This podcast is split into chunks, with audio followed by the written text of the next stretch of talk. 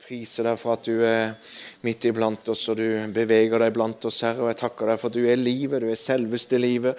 Du er den som bringer liv, glede, overflod og helse. Og vi takker deg for at vi kan bare samles, Herre.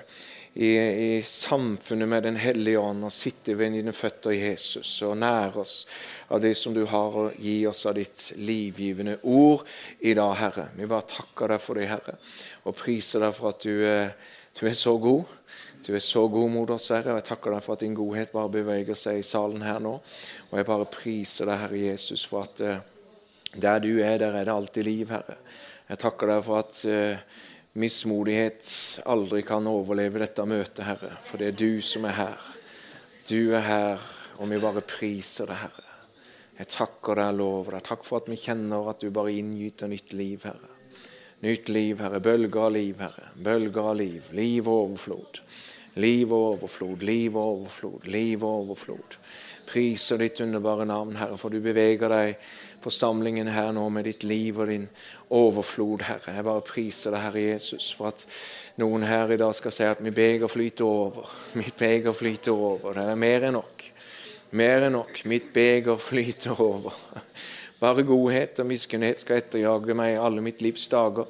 Og jeg priser deg for at noen skal bare løfte det banneret høyt og bare prise deg for din godhet. Takk og lover deg, Herre. Vi priser deg og opphøyer deg, Herre. Halleluja. Jesus. Jesus, Jesus. Ja, jeg har et ord, og det ordet det er Salme 91. Vi skal holde oss til Salme 91. Det er vidunderlig, nydelig, skjønn salme. Kanskje mest, eh, noen av de mest kjente salmer som, som fins. Så, eh, så, det er bra. Halleluja. Går det bra, Javan? Gita? Ja. Javran vet du, han er herlig broder. Han og Gita de er så herlige. Hos dem er det ingen skiftende skygge. De smiler alltid.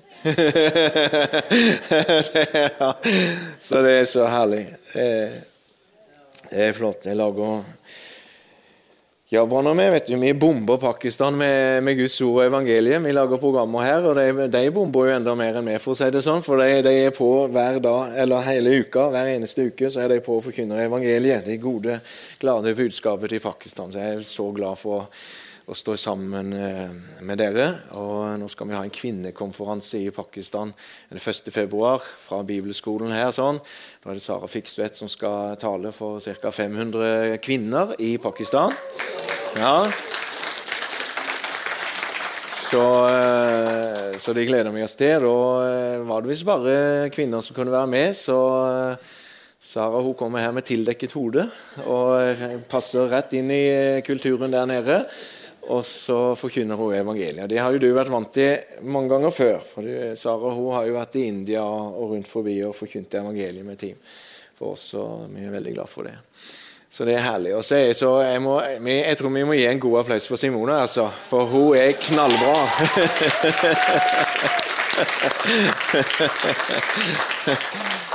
Simona og Ken Vidar altså, de er bare helt topp. De kommer her og er Team Extreme. altså. Eh, Simona synger, og Ken Vidar han sitter bak og styrer lyden. Og de er to flotte sønner som de har, som er sånn primus motor på, på Neverjot. Tyler og, og uh, Kevin. Det, det, er sånn en herlig, brennende Jesus-elskende familie som er gode forbilder. altså, Som er veldig glad for at uh, de kan uh, at dere hjelper oss i står skulder ved skulder her. Tusen, tusen takk. Ja, eh, jeg kunne begynt på hele rada her, for det er jo bare flott å kunne skryte alle sammen her, altså. Men vi får ta det litt om litt. Vi har ikke tid til å komme igjennom alt. ja Og det er ikke tull engang, altså. Det er så flotte, flotte mennesker som vi får være sammen med her. Men Salme 91, Salme 90 og 91, Salme 90 så står det rett ut at det er Moses som har skrevet det som en bønn. En bønn av Moses. Salme 91 er det ikke noen forfatter på, men det er en tradisjonell oppfatning at det er Moses som har skrevet eh, både Salme 90 og 91. Eh, så eh, det er nok ganske troverdig at Moses er forfatteren av Salme 91 og at de blir skrevet i begynnelsen av deres ørkenvandring på vei ut fra Egypt, på vei til løfteslandet. Og Vi må lese denne nydelige salma som har betydd så mye for millioner av mennesker opp igjennom århundrene. Så har dette betydd veldig mye når mennesker spesielt har vært i fare. Og dette her med trygghet og, og beskyttelse, så har denne salma stått veldig sentralt. Og eh, Guds ord er liv, det er kraftig, og ofte så kan man bruke sånne salmer i bønn og be den ut. og sånn. Eh, og så kan du òg gjøre en annen ting. Det er bare å tro på den og leve i den. It is done. Og jeg er litt der, da. Uh, absolutt så er det veldig bra å be, be på Guds ord. Ikke sant? Så det, jeg holder ikke det ene opp mot det andre, for begge deler takk. Men eh, de fleste gangene som jeg reiser på misjonstur, så ber jeg ikke om eh, beskyttelse. Jeg hadde noen gamle eh, damer i Froland misjonskirke for mange mange år siden, vet du, og, og, de skulle be for meg. Jeg var så takknemlig for det når jeg reiste på, til Afrika på, på kampanjer og sånn. Men alt det de ba om, det var beskyttelse. vet du. Og jeg var, nei, nei, nei, nei, det er om at mennesker blir frelst. Tegn under mirakler, ikke sant? Det er det. Salme 91. Det er, det er fiksa. Det er, ikke, ikke bruk tid på det, liksom. Bruk tid på at det ble noen heidundrende møter nede i Afrika der mennesker blir frelst og satt i frihet. Og sånn da, vet du. Men eh, for all del det er en veldig bra salme å be over sitt eget liv. Og det er en veldig bra salme å tro for sitt eget liv. Så kan du velge hvor du, hvor du legger lista. Den som sitter i den høyestes ly, som bor i den allmektige skygge, han sier til Herren min tilflukt og min borg, min Gud, som jeg setter min lit til. For han frir deg fra fuglefangerens snare, fra ødeleggende pest. Med sine vingefjær dekker han deg, og under hans vinger finner du ly. Hans trofasthet er skjold og vern, du skal ikke frykte for nattens redsler, for pil som flyr om dagen, for pest som går fram i mørket, for sått som ødelegger ved middagstid.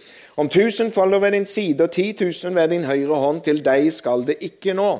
Du skal bare se det med dine øyne, se hvordan de ugudelige får sin lønn. For du, Herre, er min tilflukt, den høyeste, har du gjort til din bolig. Intet ondt skal ramme deg, og ingen plage skal komme nær til ditt telt, for han skal gi sine engler befaling om deg, at de skal bevare deg på alle dine veier. De skal bære deg på hendene, så du ikke skal støte din fot på noen stein. På løve og hoggorm skal du trå, du skal tråkke ned unge løver og slanger, for han henger fast ved meg, og jeg vil redde ham. Jeg vil sette ham trygt på et høyt sted, for han kjenner mitt navn. Han skal påkalle meg, og jeg vil svare ham. Jeg er med ham i nøden. Jeg vil fri ham ut og ære ham. Med et langt liv vil jeg mette ham og la ham skue min frelse. For noen nydelige vers. En, eh, de snur På slutten her vet du, så, så setter man inn den rettferdige inn i denne posisjonen her. Eh, og Vi skal ta noen eksempler på, på personer som har praktisert denne salma fra Bibelen. Og De kunne vi ha brukt eh, veldig veldig mange eksempler på. Men for den som finner sitt sted, the secret place, altså det hemmelige stedet Jesus snakker jo om det i Matteus kapittel 6, vers 6, om lønnkammeret. Der sier jo Jesus det at eh, Men du, når du ber, da Gå inn i lønnkammeret ditt og lukk din dør og be til din far som er i lønndom, og din far som ser i det skjulte, skal lønne deg i det åpenbare. Så denne salma den, den er, har mange den, den, altså, Loven i profeti for å si det sånn, den er alltid dobbel. At det gjelder en tidsperiode der og da, og så gjelder det framtid. Det gjelder alltid flere områder. Og Guds ord kan anvendes i millioner av situasjoner og mange forskjellige mennesker. Så kan Guds ord passe inn akkurat til det mennesket der og da på et gitt tidspunkt. Så Sånn er Guds ord. Det er fordi det er levende. Det, det, det flyter, det er en kraft, det er en strøm som flyter inn der vi trenger det. Og som jeg ba i bønnen, så, så tror jeg oppriktig Det er ikke bare sånn en eh, tøff, tøff i trynet-frase at uh, mismodighet skal ikke overleve dette møtet. Det høres veldig tøft ut, liksom. Men jeg tror på det av hele mitt hjerte fordi at salvelsen bryter åket. Og jeg tror at Guds ord er så kraftfullt. Ord er ikke bare ord, men ord er kraft. Ord er en en drivende kraft som kan sette ting på plass for oss her nå. Og så er jeg så glad for at har, Gud har innstifta Han har ikke bare innstifta ekteskapet fra skapelsen av mellom mann og kvinne, men han har òg innstifta en annen ordning, og det er menigheten.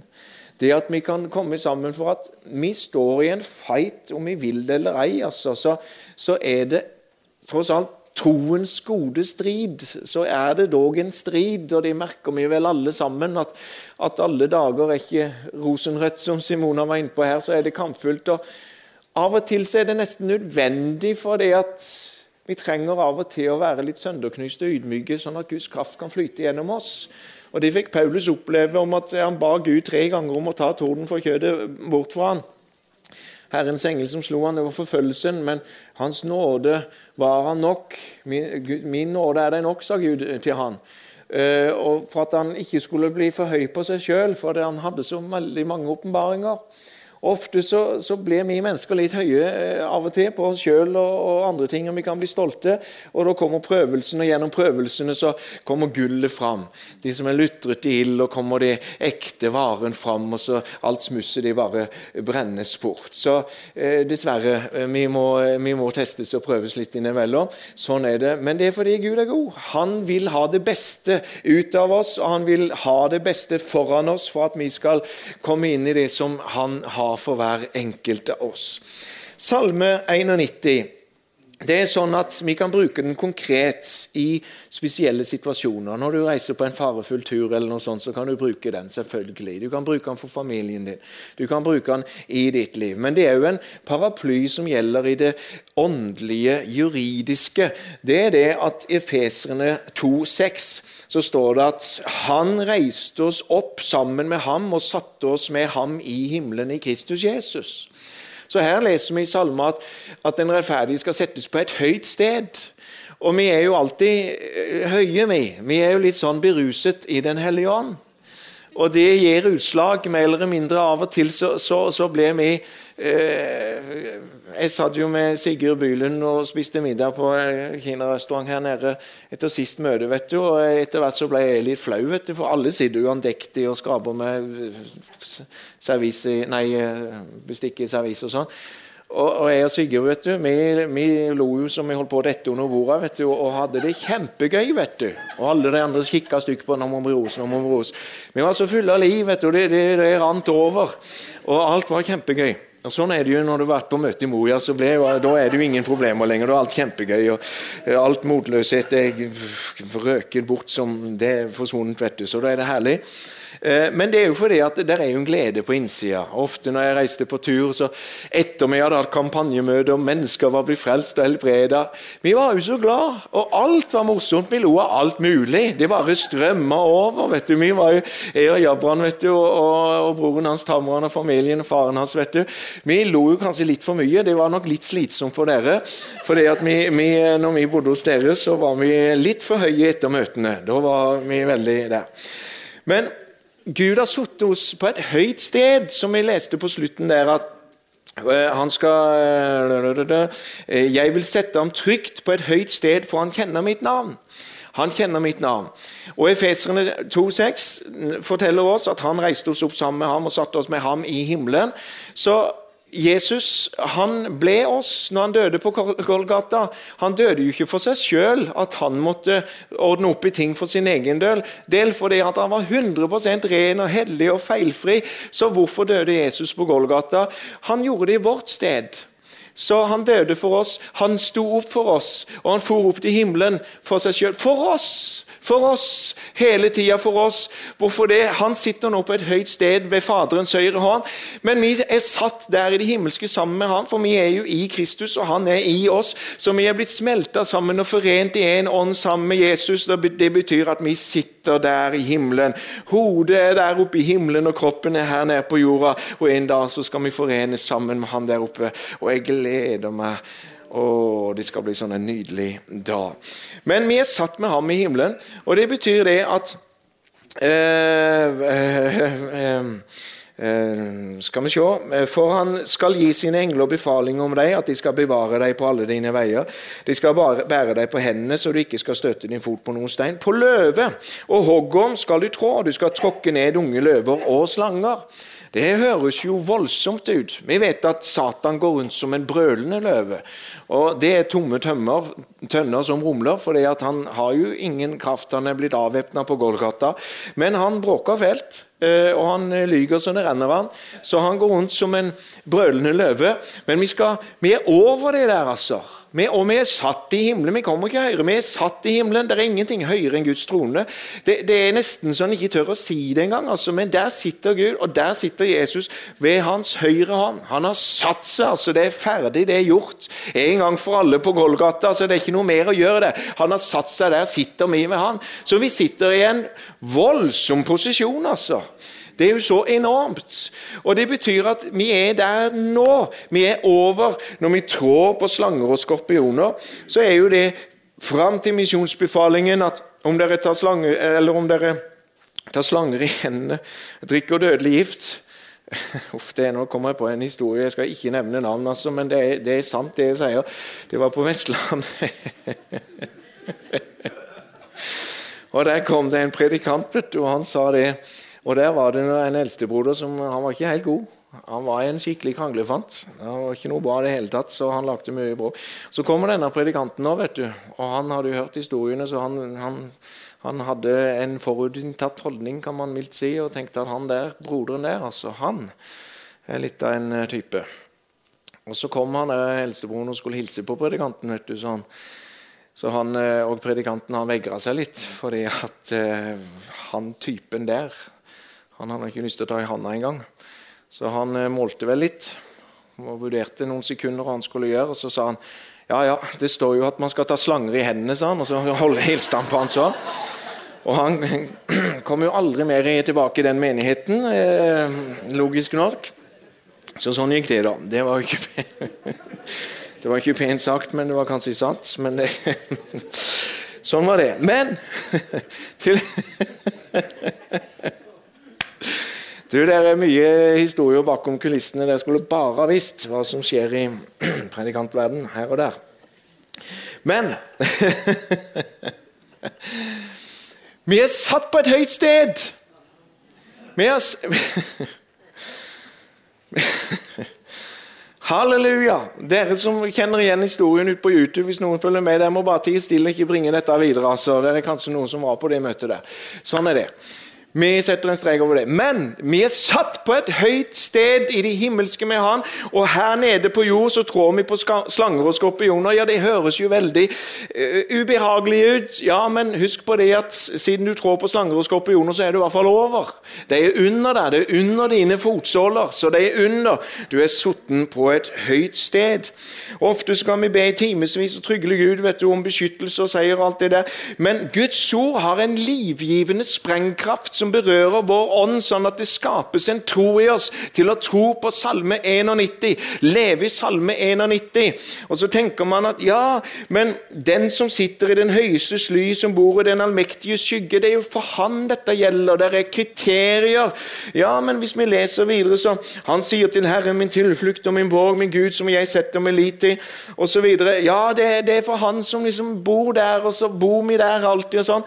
Ja, du gjør faktisk det i Kristus Jesus, så er du satt sammen med han i himmelen. Så det kriteriet har Jesus oppfylt for hver enkelt av oss. Så du slipper å oppfylle det kriteriet. Til og med det har han tatt hånd om. Halleluja. Så du er inkludert i Salme 91, min venn. Du kan snu deg til sidemannen og si gratulerer. Du, du behøver ikke oppfylle kriteriet, for det er her allerede oppfylt. Det er allerede oppfylt. Amen. Den som sitter i den høyeste sly, som bor i den allmektige skygge, han sier til Herren, min tilflukt og min borg, min Gud, som jeg setter min lit til, for han frir deg fra fuglefangens snager, fra ødeleggende pest. Med sine vingefjær dekker han deg, under hans vinger finner du ly. Hans trofasthet er skjold og vern. Tenk å være under vingene til Gud, altså. Nå, eh, Maria, minstejenta her på, bak på skjermen, var bitte, bitte lita. Så, så, leste jeg Guds ord for henne, og så sier hun det. Og da ble jeg for stygt, altså, for da var hun ikke gammel. Så hun sier dette her Ja, pappa, tror du på når det gjelder det her, at har Gud fjær? Ja, så var jeg litt i tvil. Jeg skulle begynne å undervise hun som bare var liksom fire-fem år gammel. og sånn, eh, og legge ut om det. Og så Nei, sa hun, jeg tror, jeg tror det er symbolsk, sa hun. Så hun måtte begynne å undervise. Ja, det, det bare betyr det at han, han, dekker oss og han beskytter oss. ikke sant? Ja, ja, det, Jeg var glad jeg ikke begynte på en utlegning, at kanskje han har det og sånn. Så Det vet vi ikke helt, men, men, det vi vet, det er at vi er skapt i hans bilde. Vi har jo ikke fjær. Så mest sannsynligvis er det symbolsk, da. Men den som dør, får se. Den som kommer til himmelen, får se. vi får sjekke det når vi kommer til himmelen. Har Gud fjør på armene sine, eller hva, hva, hva har han for noe? Eh, så han frir deg fra fuglefanger snarere fra ødeleggende pest. Dette her hemmelige stedet, lønnkammeret, the secret place jeg er så glad for at jeg har sånn et sted. Menigheten er sånn et sted. Men det personlige lønnkammerlivet det er det stedet hvor åpenbaring flyter. Det hemmelige stedet.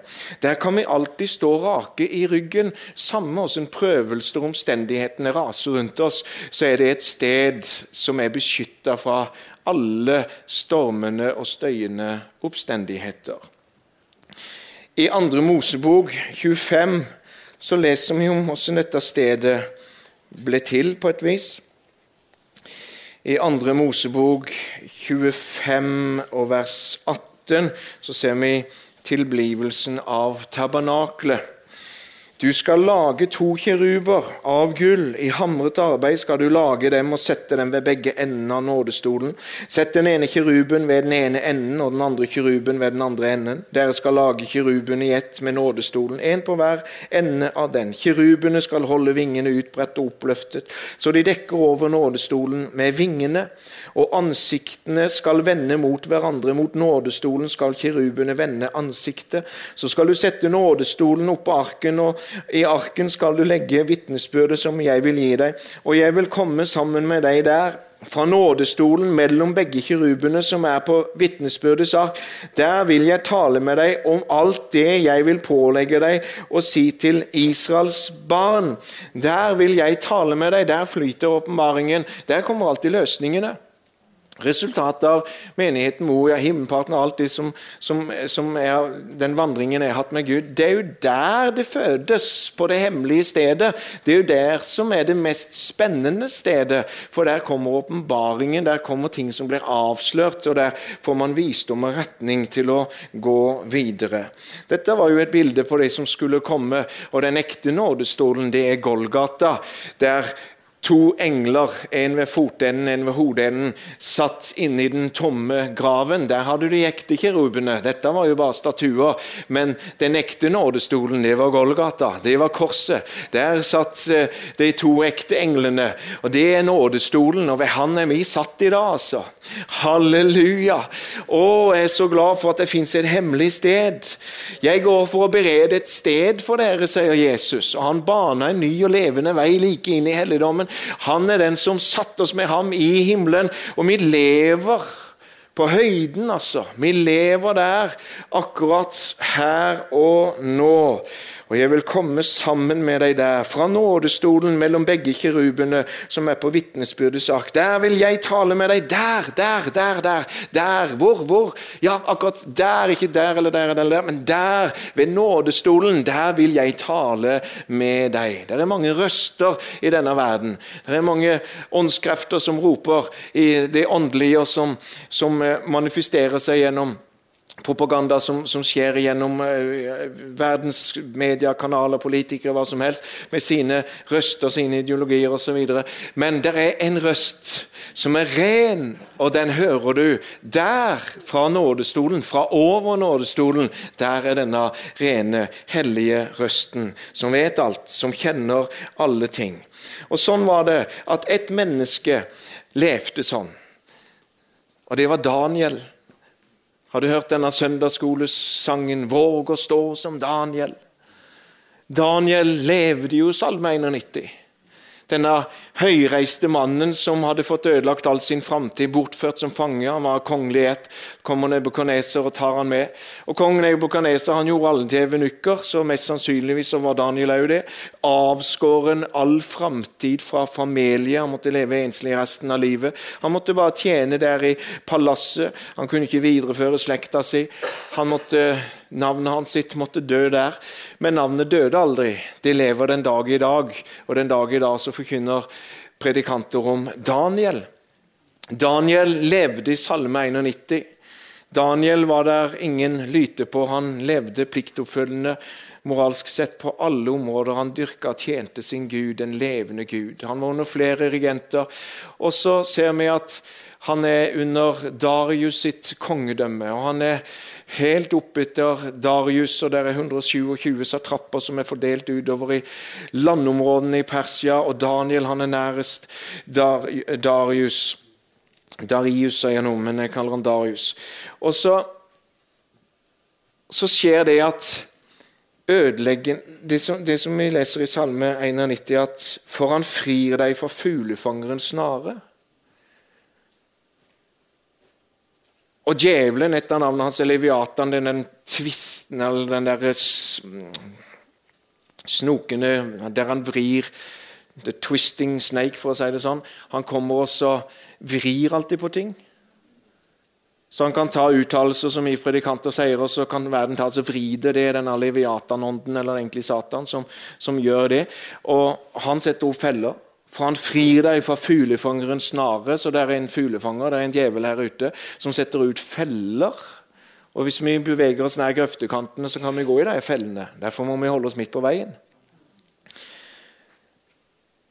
Djevelen setter opp feller, for han frir deg fra fuglefangerens snare. står det. Han frir deg fra fuglefangerens snare. Og Daniel han opplever det. Han lever jo et liv på høyden. Han er elska av kong Darius sjøl, og han har høy, den høyeste posisjonen under kongen. Og Han lever sikkert i luksus og den fineste mat, har de fineste klær, og han har uh, sjåfører, holdt jeg på å si, og han ble henta og bringa. Han lever et meget eksellent liv.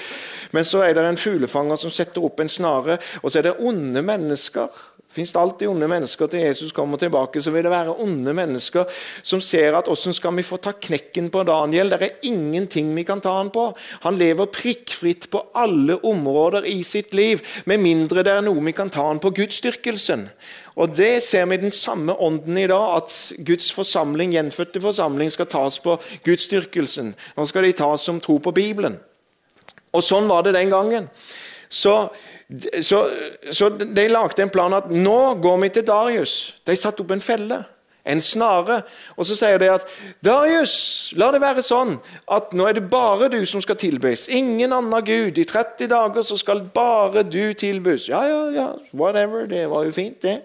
Darius gikk rett i fella. Han visste ikke konsekvensen av den der utspekulerte fella som de onde menneskene da. Og, da, og, du må skrive under det sånn at ikke det kan tas tilbake. Ja, skriv under her, liksom. Og Kongeloven var at hvis, du, hvis du, kongen har sagt det, så kan ikke han sjøl ta det tilbake engang. Og De fikk underskrevet kontrakten, og så var det rett av gårde til Daniel sitt hoff. For han var på en sal der. Han var øh, øvre salen, vet du. Han var alltid over. Han åpna vinduene mot Jerusalem tre ganger daglig, og så ba han. For det gjorde jødene etter Abraham, Isak og Jakob. De mente på det hadde vært sitt tidspunkt, så de ba tre ganger om dagen. Og Daniel ba der på sine knær, og så kommer det inn. Ha-ha! Tatt på fersken! Daniel ba til Gud, og loven sier at bare Darius skal tilbes. Så drar de han fram foran Darius, og Darius blir sønderknust. Han er blitt lurt. Fuglefangerens snare var gått i fella. Og det så ut som at Daniel var gått i fella. Men Daniel levde i Salme 91. Den som sitter i den høyeste sly, som bor i den allmektige skygge. Han sier til Herren, min tilflukt og min borg, min Gud, som jeg setter min lit til. Han frir deg fra fuglefangerens snare, fra ødeleggende pest. Han frir deg, han frir deg, han frir deg. Der sto Daniel, som var den mest akta mannen i riket. Plutselig over natta var han blitt en kriminell.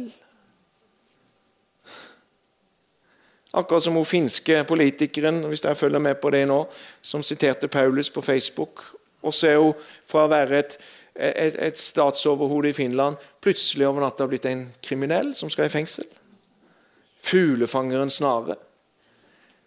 Men hun lever i Salme 91 fordi hun er frelst. Hun er satt med Jesus Kristus i himmelen. Daniel gjorde det. Vi gjør det alle sammen. Vi er satt med han i himmelen, for han frir deg fra fuglefangerens snare. Og Darius han prøver å mekle. Nei, nei, nei.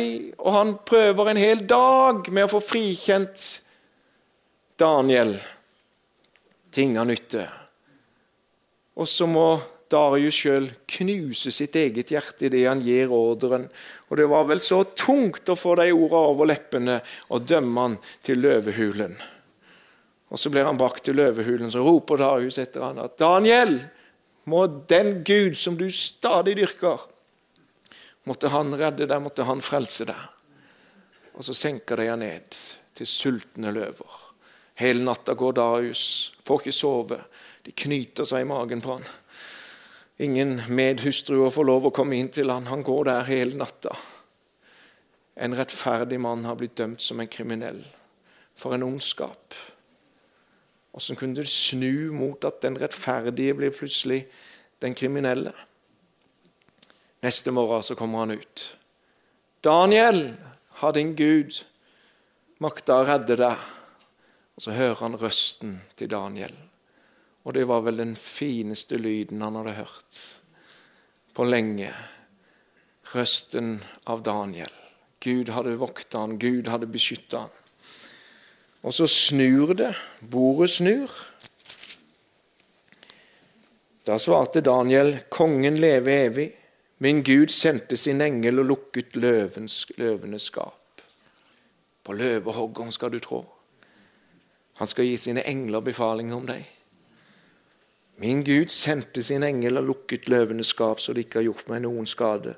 For jeg er funnet uskyldig for ham, og heller ikke mot deg, konge, har jeg gjort noe galt. Kongen ble da overmåte glad og befalte at Daniel skulle dras opp av hulen. Og da Daniel var dratt opp av hulen, fantes det ingen skade på ham fordi han hadde trodd på sin Gud. Da befalte kongen og de mennene som hadde anklaget Daniel, skulle hentes. De ble kastet i løvehulen sammen med sine koner og barn, og før de nådde bunnen i hulen, kastet løvene seg over dem og knuste alle deres ben. Deretter skrev kong Darius til alle folk etter og tungemål som fantes på hele jorden, fred og framgang for alle. Jeg gir hermed det påbud at alle folk i hele mitt kongerike så området skal skjelve og frykte for Daniels Gud, for han er den levende Gud og blir i evighet. Hans rike ødelegges ikke, og hans herredømme varer til evig tid. Han frelser og befrir, han gjør tegn og under i himmelen og på jorden. Han som frelste Daniel fra løvenes vold. Daniel levde æret og lykkelig under Darius, det er perserens Kyros, Kyros regjering. Halleluja. Salme 91. Salme 91. Når du lever i Salme 91 så kan du si 'Komme det som komme vil'. Jeg hører Jesus til. Sånn var det for Johannes på Patmos ø. Der sto han, så ubehagelig som det kunne bli. Der var han havna. Han sto rak i ryggen, som Daniel. Han levde i Salme 91. Han, det var under keiser Domitian. Domitian dør. Johannes ble fri, eh, løslatt kommer tilbake igjen og er tilbake i tjeneste til han blir nesten 100 år gammel og forkynner ordet. Romerne 14,8.: For om vi lever, så lever vi for Herren, og om vi dør, så dør vi for Herren. Enten vi da lever eller dør, så hører vi Herren til. Huhui. Salme 91. Vennene til, til, til Daniel ble kasta i ildovnen. Og de hadde samme bibelverset, så å si. Når de sa ifra til kong Nebukadneser at vi tror at Gud skal frelse oss og hjelpe oss og redde oss, men om ikke, så skal du vite, konge, at vi ikke kommer til å bøye oss for det påbudet du har gitt. Så gikk de med rak rygg inn i ildovnen. Og så kom det en fjerde. Han så ut som en gudesønn. Som gikk midt iblant dem. Så kommer de ut uten å lukte røyk engang. Ikke et hår som var svidd. Og så snur bordet. The table turns, altså. Og Istedenfor at de onde menneskene, djevelen som legger en snare for å bekjempe og fjerne alt som har med Gud å gjøre i samfunnet, så blir det bare til at Gud kommer og tar over mer enn noen gang.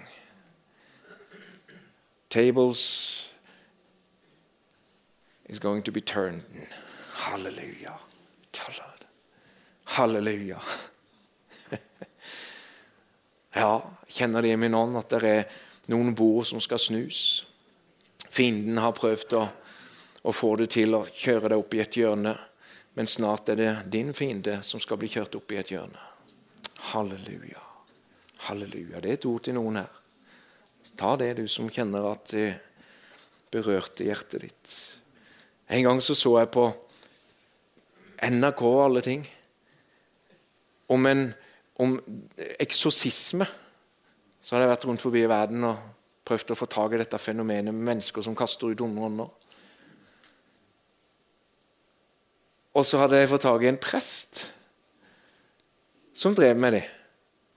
Så intervjua de han, og han hadde kasta ut masse og hjulpet mange mennesker med å bli fri for åndsmakter.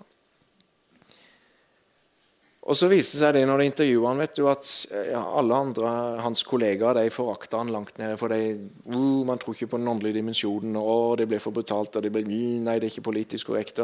Så de tok veldig avstand, så han ble veldig isolert alene som prest.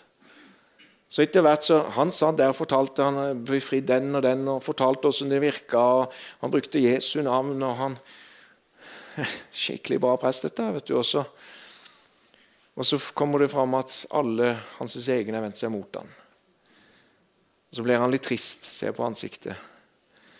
Og Så kommer det opp et smil i ansiktet hans, og så sier han, 'Men Gud er min venn', sa han. og da gjør det ingenting. Gud er min venn. Gud er min venn. Om jeg lever eller dør, så gjør jeg det for Herren. I... eh, jeg er korsfestet med Kristus. Jeg lever ikke lenger selv, men det livet jeg nå lever, det lever jeg i troen på ham. David var en mann som levde i Salme 91. Nå var det Moses som skrev salmer, men David han levde i denne her salma. Og vi leste her i andre Mosebok hvordan Gud instruerte hvordan man skulle lage tabernaklet. Og så reiste jødene med tabernaklet på sin vandring. Men så kommer vi opp til Davids tid, og da er det et punkt der at, at uh, paktens ark blir røva og kommer i filisterland en del måneder. Kommer tilbake, og David vet jo ikke hvordan han skal håndtere det. Han kjenner ikke Skriften godt nok. så han... Uh, den skal jo faktisk ha prester innvidd til det, på stenger gjennom de ringene. Det er veldig viktig hvordan det skal gjøres. Tuller ikke med Guds ord. Kan ikke trekke fra, kan ikke legge til. Guds ord er Guds ord. Og Så tok de den på en kjerre, og det var ikke bra. vet du. Så det døde en mann pga. det at han tok i arken. Guds nærvær var så sterkt til stede der. Så David ble redd. Han ville ikke ha, ta arken hjem til seg. Men så sto den i et hus i Kilo, og der ble det velsignelse. vet du. Det ble veldig velsignelse for han som hadde den der. Så da tenkte jeg David testa på han der. Det gikk bra. Han døde ikke. Han ble velsigna, så da vil jeg ha den. Så han, han fikk brakt den til Jerusalem. Skikkelig sleipt, vet du. Og Der satt han igjen med skjegget i postkassa, han som hadde han, vet du, og akkurat begynte å bli velsigna. Så ble han Nei da. Den velsignelsen varte nok. Men David får den brakt, og de, de har jo ikke tabernaklet sånn som det var. Og, og Tempelet skal bygges etter modellen av tabernaklet med forgården, det hellige aller helligste. Men det var en periode ikke det var sånn. Så de bygde et telt for denne her arken. Og Der beordra David at det skulle være lovsang 24-7 hver dag, døgnet rundt. Så var det mennesker og levitter der som var rundt i dette teltet sammen med arken, og de priste Herren. Så det var noe voldsomt. Vi kan si noe glimt til det i eh, første krøniker 15.1. Vi skal snart slutte, så jeg må bare speede opp her. Siden bygde han seg flere hus i Davids by. Han gjorde også i stand et sted for Guds sak og reiste et telt for den. Så han reiste et telt der. Første krøniken 16.1 så førte de Guds sak inn og satte dem midt i teltet som David hadde reist for den, og de bar fram brenner for fredsoffer for Guds åsyn. Og så er det noe interessant, for jødene sier noe som, som er litt interessant. De sier det at denne paktens ark sto på et bord altså, med fire bein. Og så sies det, det er en beretning, vi vet ikke om det er sant, men det er en gammel sånn legende som kommer fra den gangen, som ikke står i Bibelen. Så sier det det at David han kunne legge seg på ryggen, altså han kunne legge seg under det bordet som paktens ark sto. Og så ser han vingene på kirubene som stikker ut. Og så kommer salmene som perler på ei snor under dine vingers ly. Hør hva David sier i fire salmer som han har skrevet. Salme 17, vers 8. Vokt meg som din øyensten, skjul meg under dine vingers skygge. For de ugudelige som ødelegger meg, mine dødsfiender som omringer meg. Kanskje han lå på ryggen ganske barnslig, Konger ligger sånn. Hvor dyrebar er din miskunnhet, Gud? Menneskenes barn søker ly i dine vingers skygge. Som ikke Gud har fjær sjøl på armene, så har englene hans det. Og han sender englene ut som vinger som beskytter oss. Salme 57 er til sangmesteren 'Ødelegg ikke'. Det er sikkert en sånn rockelåt på en sånn destruktiv tittel på ei låt. 'Ødelegg ikke', liksom. Dun, dun, dun, Så hadde han lagt en, en, annen tekst på den melodien til sangmesteren. 'Ødelegg ikke'. Av David, en gyllen sang. Da han flyktet for Saul i hulen. Vær meg nådig, Gud, vær meg nådig, for min sjel tar sin tilflukt til deg, og i dine vingers skygge finner jeg ly inntil ødeleggelsen er dratt forbi. Salme 63, 7. Når jeg kommer deg i hu på mitt leie, tenker jeg på deg gjennom nattevaktene, for du har vært min hjelp, og under dine vingers skygge jubler jeg. For han henger fast ved meg. Vi går inn for landing. For han henger fast med meg, og jeg vil redde ham. Jeg vil sette ham trygt på et høyt sted, for han kjenner mitt navn. Det er noe spesielt å gå opp i ei åsside på et høyt fjell, så ser du byen under deg så er du liksom tatt ut, tatt til sides. Du er overalt. Alt der nede, så er du liksom over. Sånn er det med ørden som bygger sitt rede i det høye. Der fostres ørnungen opp for nye høyder. Til å være vant til å leve på høyden. Det er der troen overvinner. Alt det som er født av Gud, seirer over verden. Og det er vår tro. Det som er født av Gud. Det som er født av Gud. Halleluja. Ja. Halleluja. Halleluja. Jesus. Jesus. Ja, vi priser deg. Kan ikke du komme på pianoet, Simona? Jesus, vi priser deg. Vi takker og lover deg, og vi ærer deg. Du har satt oss med deg i himmelen. Vi er allerede satt på et høyt sted. Ja. Ja.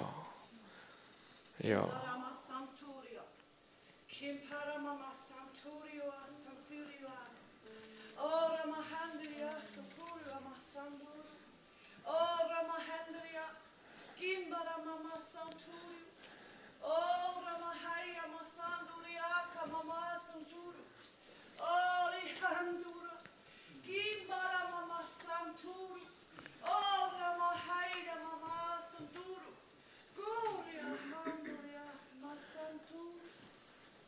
Mitt barn, kom opp litt høyere, sier Herren.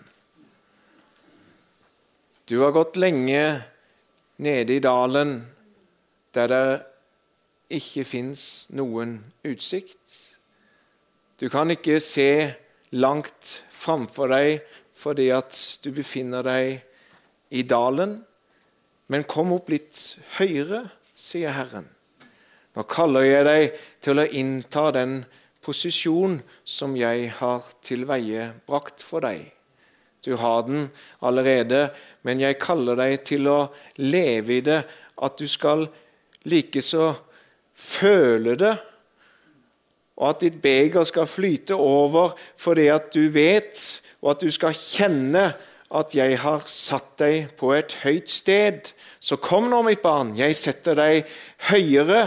Bliv ikke på det stedet på det lave punktet der du er kalt til å være på et høyt sted.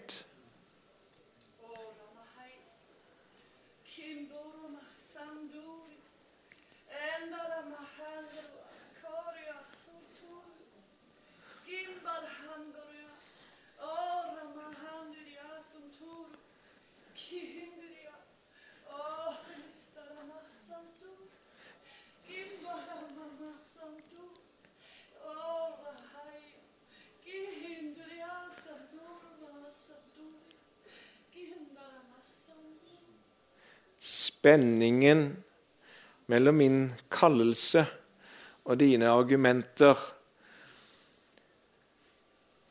Du har kalkulert, og du kalkulerer risiko ved å gå høyere. Men jeg kaller deg mitt barn, og jeg sier til deg nå at det er her det er trygt å være. Ikke nede i dalen, ikke på den flate mark, men det er her hos meg på det høye sted du finner min beskyttelse, der det er trygt å være. Der du er nå, kan du ikke se, men her i det høye så ser du alt. Her gir jeg deg alt du trenger av min visdom, av den åpenbaring og de nøkler som jeg ønsker å legge i din hånd. Så kom nå, mitt barn, og ikke argumenter lenger mellom min kallelse og din egen fornuft.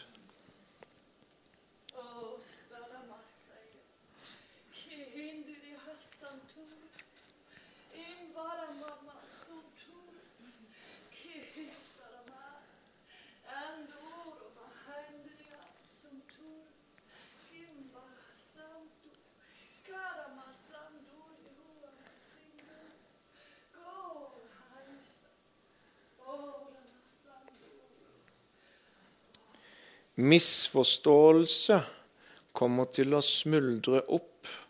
Det har vært misforståelse altfor lenge mellom deg og meg. Jeg er tålmodig, sier Herren. Jeg har ventet og jeg har ventet, og du bør være glad for at jeg er tålmodig. Du har også ventet, men hvorfor venter du? Det er jeg som venter på deg. Og nå kaller jeg deg mitt barn. Det som du har trodd, det skal nå falle dødt til jorden. For min åpenbaring kommer til å flyte gjennom din ånd, ut i ditt sinn.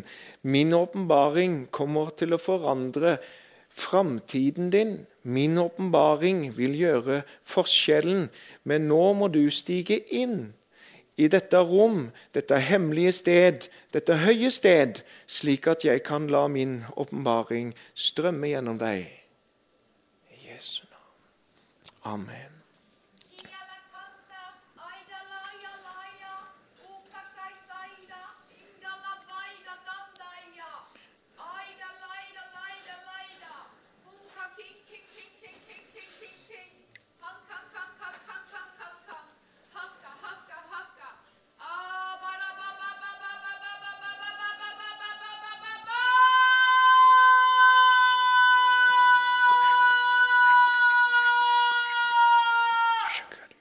Blinken har du skutt på. Den har stått foran deg, og du har skutt på blinken. Og du har vært ganske fornøyd når du har sett at du har truffet den blinken. Og du har venta på sanksjon fra meg uten å få det, og du har blitt utrygg fordi at du har jo gjort det rette. Men jeg sier deg, mitt barn, du har skutt på feil blink. Det er en annen blink som er ment for at du skal treffe. Du har sikta på feil mål.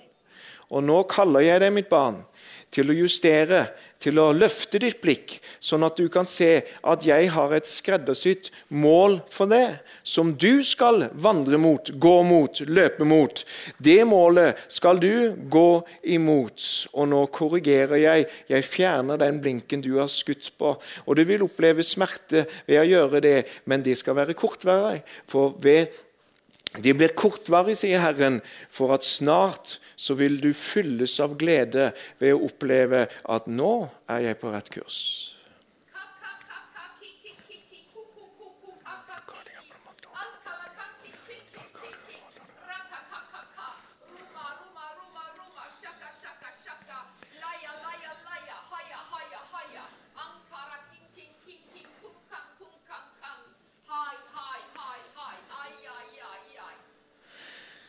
Du har følt det som om at du har løpt ditt løp med småstein i skoa. Noe som ikke stemmer, noe som har vært ubehagelig. Men du har løpt. Du har løpt i feil retning, mitt barn. Nå kommer jeg til å vise deg din løpebane. Og jeg skal ta ut og fjerne det som har vært en brems. Jeg ber deg om å stoppe opp og kaste ut steinen som du har hatt i skoen. Jeg ber deg om å sjekke din rustning. Jeg ber deg om at nå skal du prioritere. Nå skal du ha riktige klær for den rette oppgave. Nå, sier Herren, kaller jeg deg til å løpe ikke bare mot det rette målet, men også med det riktige utstyret, den utrustning som jeg gir deg, sier Herren. Halleluja, Jesus. Jesus, vi priser deg. Vi takker og lover deg, Herre. Vi ærer deg. Takk for at du taler. Takk for at du taler gjennom Sønnen. Takk for at du taler ennå i dag. Takk for at du har ikke tatt bort nådegavene fra menigheten, Herre. Takk, Herre. Vi priser ditt underbare navn. Vi lover deg, vi bare ærer deg. Vi bare tilber deg, vi priser deg, Herre Jesus. Takk for at du når du taler, så beskjærer du bort alt det som er vondt, det som ikke fungerer, det som er dødt. Og jeg priser deg for at du beskjærer oss, Herre, sånn at vi kan være livskraftige, fruktbare, grønne trær. Bære mye frukt, bære mye frukt. Og jeg takker deg for at du alltid har løsningen. Når alt er fastlåst, når alt er kjørt opp i et hjørne, så er du alltid løsningen. Du har alltid løsningen. Takk for at dette er nøkkelåret, Herre, og du gir oss nøkler til å låse opp det som er stengt. Og jeg priser deg, Herre Jesus. Jeg takker og lover deg for det. Halleluja. Skal vi prise Herren? Skal vi prise Herren? Nå er det veldig viktig i sånn en hellig stund at du ikke du bare bøster av deg de som både har Guds nærvær eller budskap og går inn i et annet rom, billedlig talt, men at du forblir litt i det rommet du er nå. Så la det bare synke inn, må du grunne på det som er kommet i tungere tydning, det som er budskapet, må du grunne på det. Må du gå hjem og grunne på det. Det er dyrebare ord, det er livgivende ord. Og så sa jeg i begynnelsen at Mismodighet skal ikke overleve dette møtet. Hvis du er her som kjenner at det har gått litt mye motbakke, det har vært litt mye nede i dalen nå, og du kjenner du har blitt løfta, men hvis det er djevelen har tvinnet noen tråder rundt sinnet ditt som gjør at det, mm, du har blitt litt motløs, skal vi legge hendene på deg, så skal de trådene brytes.